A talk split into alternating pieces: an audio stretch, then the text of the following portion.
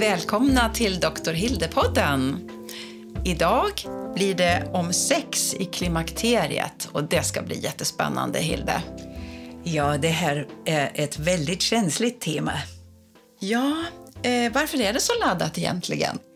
Jag tror att det är så personligt, nämligen att sex upplever man ju själv och det är ju ingen annan som kan tala om hur man känner. Det märker man ju inom sig själv. Mm. Det är en personlig upplevelse. Och eh, Vi har ju alla våra egna erfarenheter med kärleken och med sex. Mm. Och den djupa känslan och erfarenheten vill man inte så gärna dela med någon annan, ja, med den älskade. Men annars är det ju ändå någon privatsak, tycker jag. Det är ju väldigt magiskt med kärlek och med kärlek och sex. Det är ju, en del skiljer på det där med kärlek och sex. Ja, och, och, vi ska ju prata om sex. Ja, Men det ja. går ju ändå ihop, eller hur? Ja, naturligtvis. Det gör det ju. Och jag som gynekolog träffar ju naturligtvis många kvinnor som har problem just med sex eller med lust. Och det eh, sammanträffar ju väldigt mycket i klimakteriet. Och om vi nu ska prata om vad är egentligen sex, eller sexualiteten som hela ordet är, ja. då, då tycker man, man kan ju kanske tänka på den biologiska sidan. Alltså vi är ju också levande varelser, djur i växtriket. Överallt finns det sex som hänger ihop med fortplantningen. Mm. Och eh, då är det ju för oss personligen kanske ändå det att få ett barn. Den här längtan efter barn är förknippat mycket med sexualiteten. Både hos man och kvinna. Hos kvinna. speciellt kanske. Sen har vi ju då den sociala sidan när man bildar familj. Alltså det är ju också så en sammanhållning. Alltså jag såg den här fantastiska filmen om, om pingvinerna igår. Eh, apropå sammanhållning. Mm. Alltså när eh, när de har det så förfärligt där i Antarktis och kallt där. Men då är det pappan som håller ägget ja. och mamman simmar och, och skaffar mat när det är den värsta perioden är för kallt. Alltså jag ville bara berätta. Det tycker jag också är en form av sexualitet, att de delar detta, vad de har fått och då är det ombytta roller dessutom. Och, ja, sen gör de tvärtom ja, senare. Senare gör de... När ägget kläcks. Alltså, eh, det blir då eh, att mamman tar hand om ungen mm. och pappan hämtar maten. Men att det är en sån fantastisk sammanhållning där, det tycker jag är ett exempel på sociala sidan av sexualiteten. Man svetsas samman. Mm. Mm. Sen har vi den erotiska och spirituella sidan av sexualiteten. Och Då har vi alla konstnärer eh, som försöker avbilda den nakna kroppen och kärleksakten. Ja, den vackra kvinnokroppen eh, är ju ofta i fokus eh, hos konstnärerna, eller hur? Just det. Den nakna mannen är inte lika mycket i fokus, i alla fall i dagens värld, allmänt. Men man har ju sett Michelangelos verk av David. Och, ja, det har det varit i ja, Florens oh ja, också. Oh ja, oh ja. Det, är, det är ju väldigt mm. vackert, verkligen. Ja. Men, men, kvinnokroppen tänker jag är ändå den som har bildats mest. Men alltså, nu tänker vi också eh, kärleksakten. Ja. Då är det ju inte bara en kropp som Nej. stimulerar en, det är alltså själva akten. Det var ju mycket barocktiden också, där var det lite fritt. men i dagens samhälle, ja, där har vi väl också mycket där med pornografi förstås.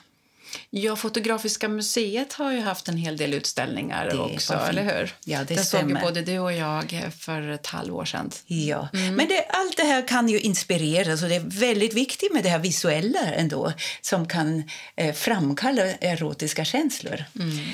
Sen har vi ju naturligtvis den också den här emotionella delen. Eh, det är den mest underbara, nämligen förälskelsen och kärleken som uppstår av detta. Också det hänger ju naturligtvis väldigt mycket ihop. Och den emotionella sidan eh, kan naturligtvis också framkalla underkänslor som till exempel eh, svartsjuka. Mm. Man vill alltså äga den älskade. Och det är ju förfärligt. Mm. Det, jag tänker vid skilsmässor och så där, eller andra konflikter ja. då kan det ju verkligen komma ja. på sin spets, de här starka ja, biologiska känslorna kring ägande ja. och sex. Ja, men man har dock ändå älskat den här personen väldigt mycket från början, tror jag. Eh, därför det, det, alltså det är ju så svartvitt. Det. Eh, mm. Först var det väldigt mycket och sen blir det motsatsen. Och mm. det är ju väldigt synd egentligen. Ja, den här psykologiska sidan är naturligtvis något vi kunde prata om länge om. Men nu är det ju så att vi ska fokusera på eh, just klimakteriet också, vad som mm. kan hända i kroppen. Ja, precis. Den kvinnliga sexualiteten. och eh, Just i klimakteriet det är ju en sårbar fas i livet eh, hos kvinnan. och Som du har skrivit i din bok Hormonkarusellen, Hilde, så är det både känslomässiga och fysiska förändringar när hormonerna sviktar. Kan du utveckla det lite? Det är många kvinnor som kommer och eh, har egentligen i, i första hand eh, ett problem, nämligen att de har en nedsatt lust. Och om man då frågar lite närmare, då är de ju kring eh, kanske 40-årsåldern och lite till. Och det är just då eh, klimakteriet börjar smygande. De kan ha eh, regelbundna menstruationer, eh, kanske lite rikligare blödningar, men eh, alltså, de mår inte bra. Och Det är därför jag säger att alltså, klimakteriet är inte bara fyra Eh, år högst och lite svettning och vallningar så som Agnes Wold framställer det. Det är lite mer än det. Det är eh, som sagt en väldigt känslig period i kvinnans liv och kan vara kanske en tidsperiod på 20 år till allt är verkligen över och man har korrigerat det man behöver korrigera för mm. att allt blir lugnt sen när man är äldre. Eh, där menar jag alltså hormonerna spelar roll. Och vilka hormoner är det då? Är det progesteron som kan svikta tidigt?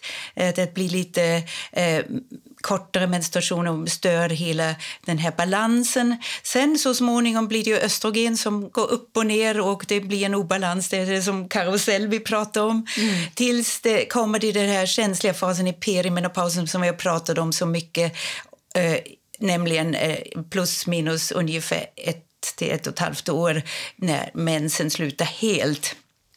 Alltså den här eh, fasen där det är värst med svettningar, vallningar, sömnstörningar och allt det vi har Eh, eh, pratade om i Menopause Rating Scale som eh, vi har påpekat många gånger. Mm, mm, Där man kan se just alltså, fysiska förändringar men också naturligtvis psykiska förändringar och eh, möjligen eh, utbrändhet, hjärndimma och eh, slemhinnorna blir skörare urininkontinens, ledvärk. Men där är den punkten också att det är nedsatt lust. Och eh, det kan ju bero på olika saker. Ja, det är många som drabbas av sexlust, eh, alltså att den avtar. Och eh, Eh, lusten eh, påverkas som du säger av hormonsvikten. Men drabbas inte mannen eh, av någon form av hormonsvikt också? Ja, så nu har mannen inte så mycket östrogen och progesteron. Men mannen har ju mycket mer testosteron. Och det glömde jag kanske säga förut. Det har ju också betydelse att testosteron går ner hos kvinnan. Men det är både hos mannen och kvinnan eh, ganska smygande och uh, linjärt. Alltså det är inte så ett plötsligt fall så som med östrogen och progesteron. Eh, och hos mannen är det ju precis lika linjärt men bara väldigt mycket eh, högre koncentration därför han producerar mycket mer testosteron. Det man brukar jag säga tio gånger så mycket jämfört med kvinnan. Mm. Men mannen har naturligtvis också problem. Och eh, det eh, är väl kanske många av eh, eh, distriktsläkare som behöver vara uppmärksamma eh, när en man söker för trötthet och depression nedsatt ork. Det kan mycket väl vara en testosteronbrist. Hilde, vi borde verkligen intervjua en allmänläkare eller urolog om den manliga sexualiteten någon gång. Ja, det tycker jag också skulle vara väldigt bra. Det ska vi tänka på. Det gör mm. vi. Ja, visst, mm. men nu ska vi gå vidare med kvinnan. Ja, det alltså, vi. Kvinnans testosteron kan naturligtvis också svikta. Och det är eh, något eh, som man kan behandla. Mm. Hur då? När jag träffar kvinnan på min mottagning då gör jag naturligtvis en utredning först om alla dessa andra hormoner och eh, hur livmodern fungerar, hur äggstockarna fungerar. Och sen pratar vi ju naturligtvis mycket om alla andra samband som kan eh, hänga ihop med det, eh, att hon inte mår bra som till exempel dålig sömn, dålig återhämtning och eh, relationsproblem, eh, stress, eh, jobbet barnen hemma, allt möjligt kan spela in. Men om vi då kommer fram till att allt är i, väl, i, i bra balans, alltså välordnat med, och även med en möjlig hormonsubstitution med östrogen och progesteron, alltså att de här klimakteriebesvären försvinner. Och hon fortfarande inte mår bra och har nedsatt lust och kanske känner sig även lite svag i musklerna och så kan ju också vara att den här återhämtningen helt enkelt inte har fungerat och inte gett tillbaka den här underbara känslan av eh, att må bra. Då kan faktiskt eh, testosteron vara jättebra. Och eh, det är studier på testosteron som visar att det ökar den sexuella lusten hos kvinnan. Och då är det ju väldigt känsligt med den här behandlingen, att man inte ger för mycket förstås. Nu är det ju faktiskt så att det är lite problem det här med testosteronbehandlingen. I första hand är det ju så att eh, i Sverige Eh, finns det ju inget eh, testosteronpreparat för kvinnor och då får man ju ta manliga eh, preparat som eh, finns på marknaden och eh, då är det ju en eh, speciell off-label eh, ordination som din läkare då i så fall ska ge dig. Eh, och det vet ju den läkaren som skriver ut hur mycket det ska bli. Det får ju bli en tiondel av mannens behandling ungefär, kan man räkna ut på olika sätt.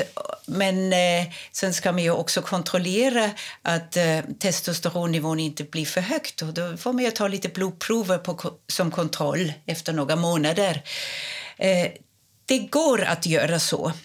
Men eh, sen är det naturligtvis en viss risk med allt som har med eh, eh, testosteron att göra, därför det är ju anabola medel, alltså anabola hormoner som bygger upp och det bygger upp muskler och kan missbrukas mm. trots allt. Mm.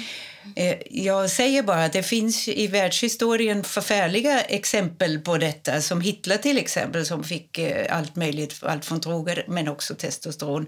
Ja, hur som helst, jag tycker eh, där kan man ju också se att idrottsstjärnor som eh, behandlades naturligtvis med syntetiska mm. eh, anabola steroider eh, eh ja, fick inte vara med i OS mm. Nej, och eh, sållas ut. Och, eh, alltså allt det här med att eh, det är så lätt för hjärnan att tycka det är så bra och då tar man lite till. Det gäller allt vad som kan framkalla ett beroende mm. menar jag.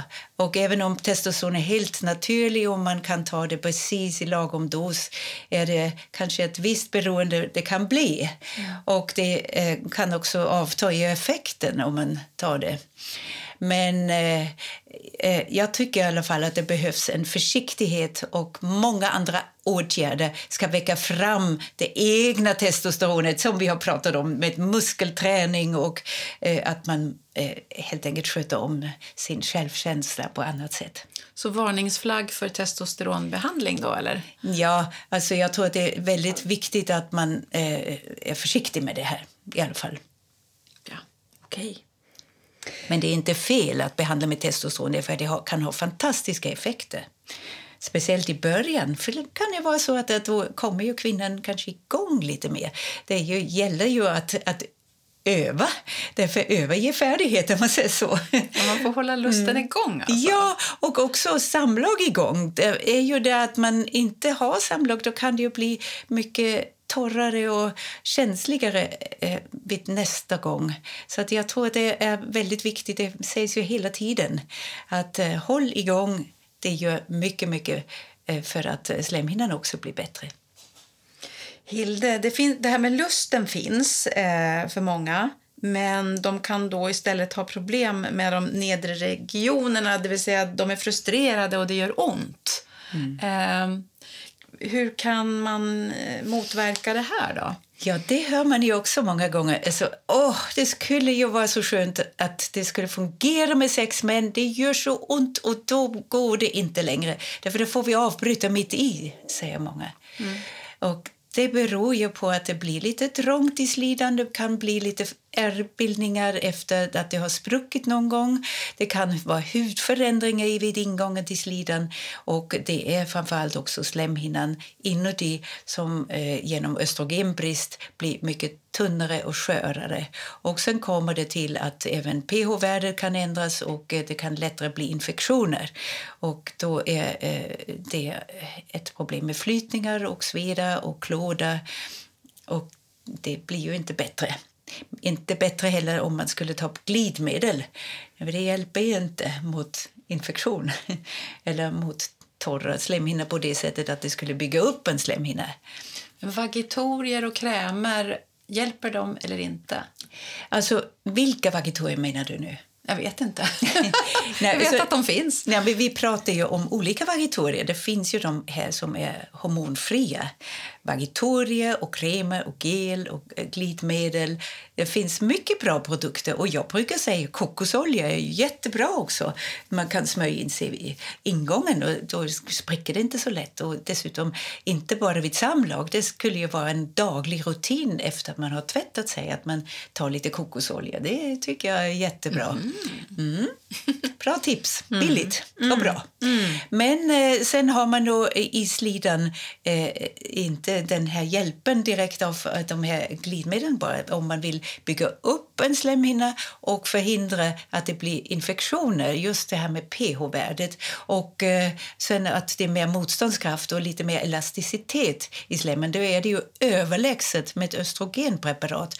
Eh, Och östrogen finns då östriol eller östradiol. Och östriol kan man ha om man har haft bröstcancer. Ja, just Eller? det. Just det. Den är svagare. Det, det är den svagare. Det är Ja. Även vid antiöstrogenbehandling kan man ta det, den svaga sorten. Mm. Och sen har vi DHEA. Det har vi pratat om också, Mm. den här sorten som eh, är som en slags vagitorium, som är mellanting egentligen mellan testosteron och östrogen kan man säga. Alltså ett hormon som hjälper mot sköra slemhinnor. Mm, då kan man få hjälp där för att eh, så att säga ha sex om lusten är igång men att man har fysiska problem så att säga. Så det är ju bra hjälpmedel låter det som, eller hur? Eh, men om lusten inte har kommit tillbaka trots all hormonbehandling, vad gör man då? då? Ja, då är det ju så att man ska fråga sig vad kan det då bero på? Måste man ju gå lite djupare. Är det något relationsproblem? Är det något annat? Eh, en psykisk påverkan? Eller är det mediciner kanske? Det finns ju många mediciner som eh, minskar lusten, som till exempel antidepressiva. Mm, jag skulle just tänk- säga det. Antidepressiv det har du hört medicin också, har jag ja. hört talas om. Ja. Och eh, sen har vi blodtrycksmediciner, kan det vara. Och sen ska vi inte glömma det där med hormoner. Alltså vissa gestagener kan ju ha den här biverkan att eh, det eh, förändrar lusten. Och p-piller, om man alltså då inte är klimakteriet direkt än eller fortfarande äter kombinerade p-piller. Eh, Så kan de dämpa kan sex- dämpa sexlusten? Jaha. Ja, kan de också. Så att, eh, eh, det är ju en känslig fråga, eh, helt enkelt, för man påverkar ju kroppen. Och eh, det här med p-piller kan ju vara så att den bästa lusten, det vet vi, den är ju kring ägglossning, alltså, eller den här uppbyggande fasen, eh, eller strax före ägglossning, där det är mest östrogen. Och där kommer vi tillbaka till vårt östrogen. Det ska inte vara en brist på östrogen. Så det räcker inte om man är efter menopausen i en sån situation alltså att man skulle ha lite testosteron. Du ska tänka på dina slemhinnor och på dina östrogennivåer även för hjärnan. Det är viktigt. Inte bara testosteron. Jag tror att östrogen är väldigt viktig också. Nu förstod inte jag dig riktigt hur hjärnan påverkas. Ja. Av, alltså påka, blir det, är det lusten som påverkas i hjärnan av hormoner eller Ja, är har- det ja, slemhinnorna? Nej, både och. Östrogen har ju en effekt på hjärnan och den har en effekt på slemhinnorna. Och testosteron har ju en effekt på hjärnan och den har ju effekt på muskler, eh, och kraften och eh, så vidare. Och i DHEA har det ju en lite manlig effekt också faktiskt eh, som påverkar slemhinnan. Där har vi. Men annars tar man ju inte testosteron i slidan. Det gör man inte. Det gör man inte. Så där tar man bara östra diol eller östriol i väldigt svag koncentration. Och för er som har haft en bröstcancer då menar jag då eh, är det viktigt att veta att eh, det här östriol som sagt kan användas eh, och att det här är inte något farligt. Ja. Det är ett viktigt budskap och skönt att höra för dem. Och sen överhuvudtaget är alltså alla dessa nivåer eh, som man åstadkommer genom lokal behandling det påverkar ju inte kroppen i övrigt särskilt mycket. Det är så låga koncentrationer, det behöver man inte vara rädd De kan fortsätta ja, tills man dör. Det är väl skönt? Ja, fantastiskt. Man kan alltså ha ett långt eh, liv med ett bra sexliv och, och allting eh, tills man är hundra år. Ja, är, vill alltså, man det? Vill man det? man vill ja. leva bra. Vill man det? Mm. mm. det och då frågan. kommer vi till den här frågan, hur är det? Alltså, eh, alla vill ju inte ha sex längre. Eh, efter en ta ett tag kanske de ja, har fått nog. Det måste man också respektera. Mm. Sexlust eller inte? Nu har vi avhandlat det här med hormoner och hur det påverkar sexlivet. Om man verkligen behöver experthjälp mot dålig lust, vem vänder jag mig till då? Sexolog kanske? Ja, Lena. Och jag har tur att jag känner en väldigt trevlig sexolog. Och hon är kollega till mig. Hon är specialistläkare inom obstetrik och gynekologi, precis som jag inom öppenvård. Men hon arbetar på Ultraljud Sabbatsberg med inriktning på vaginala specialist-ultraljudsbedömningar av avvikelser inom gynekologin som bedömning av förändringar av livmodern, äggstockar samt cystor, endometrios till exempel, det hon är väldigt specialist på. Alltså hon tittar verkligen med ultraljud väldigt mycket. Men eh, Dessutom är hon, alltså hon är mycket mångsidig. Hon har även en eh, uppgift på Huddinge sjukhus där hon tar emot kvinnor med vulvasjukdomar. Oj. Du vet vulva, det här vid ingången till slidan kallas mm. vulva. Mm. Och då är det att hon arbetar tillsammans med en hudspecialist. Och dit kommer ju kvinnor som har såna här problem eh, med eh, vulvodyni Oj, det var ett nytt ord. Det är ont eh, vid, i öppningen av eh, slid, slidan kan man säga. Ah. Mm. Det är det hon gör och sen tar hon hand om utredning och behandlingar eh, också av sexuella problem. Och hon kommer att berätta eh, varför hon blev sexolog. Därför hon har alltså ett, en examen i sexologi. Och vad heter hon? Oh, ja, vad heter hon? Cornelia Libau heter hon. Ah. Eh, det är inte så vanligt att vara eh, gynekolog och sexolog samtidigt. Många sexologer är psykoterapeuter, psykologer, socionomer, sjuksköterskor. Eh, men alltså, det är olika bakgrund egentligen till att hjälpa kvinnan med eller mannen naturligtvis med sexuella besvär. Det kan vara kvinnan och mannen och paret. Ja, alltså det blir så trevligt och spännande att lyssna på Cornelia och vi hälsar henne välkommen nästa gång och eh, har redan laddat upp med många frågor. Det har vi verkligen gjort och det känns så bra att ha gjort den här bakgrunden, den, här, den här inspelningen inför det här avsnitten som kommer, för det blir nog två stycken. Vi får väl se. Men ja, ja, det ska ja. bli väldigt roligt. Ja. Men då avslutar vi den här podden nu och ser fram emot nästa. Ja, vi hörs alldeles snart. Hej då! Hej då!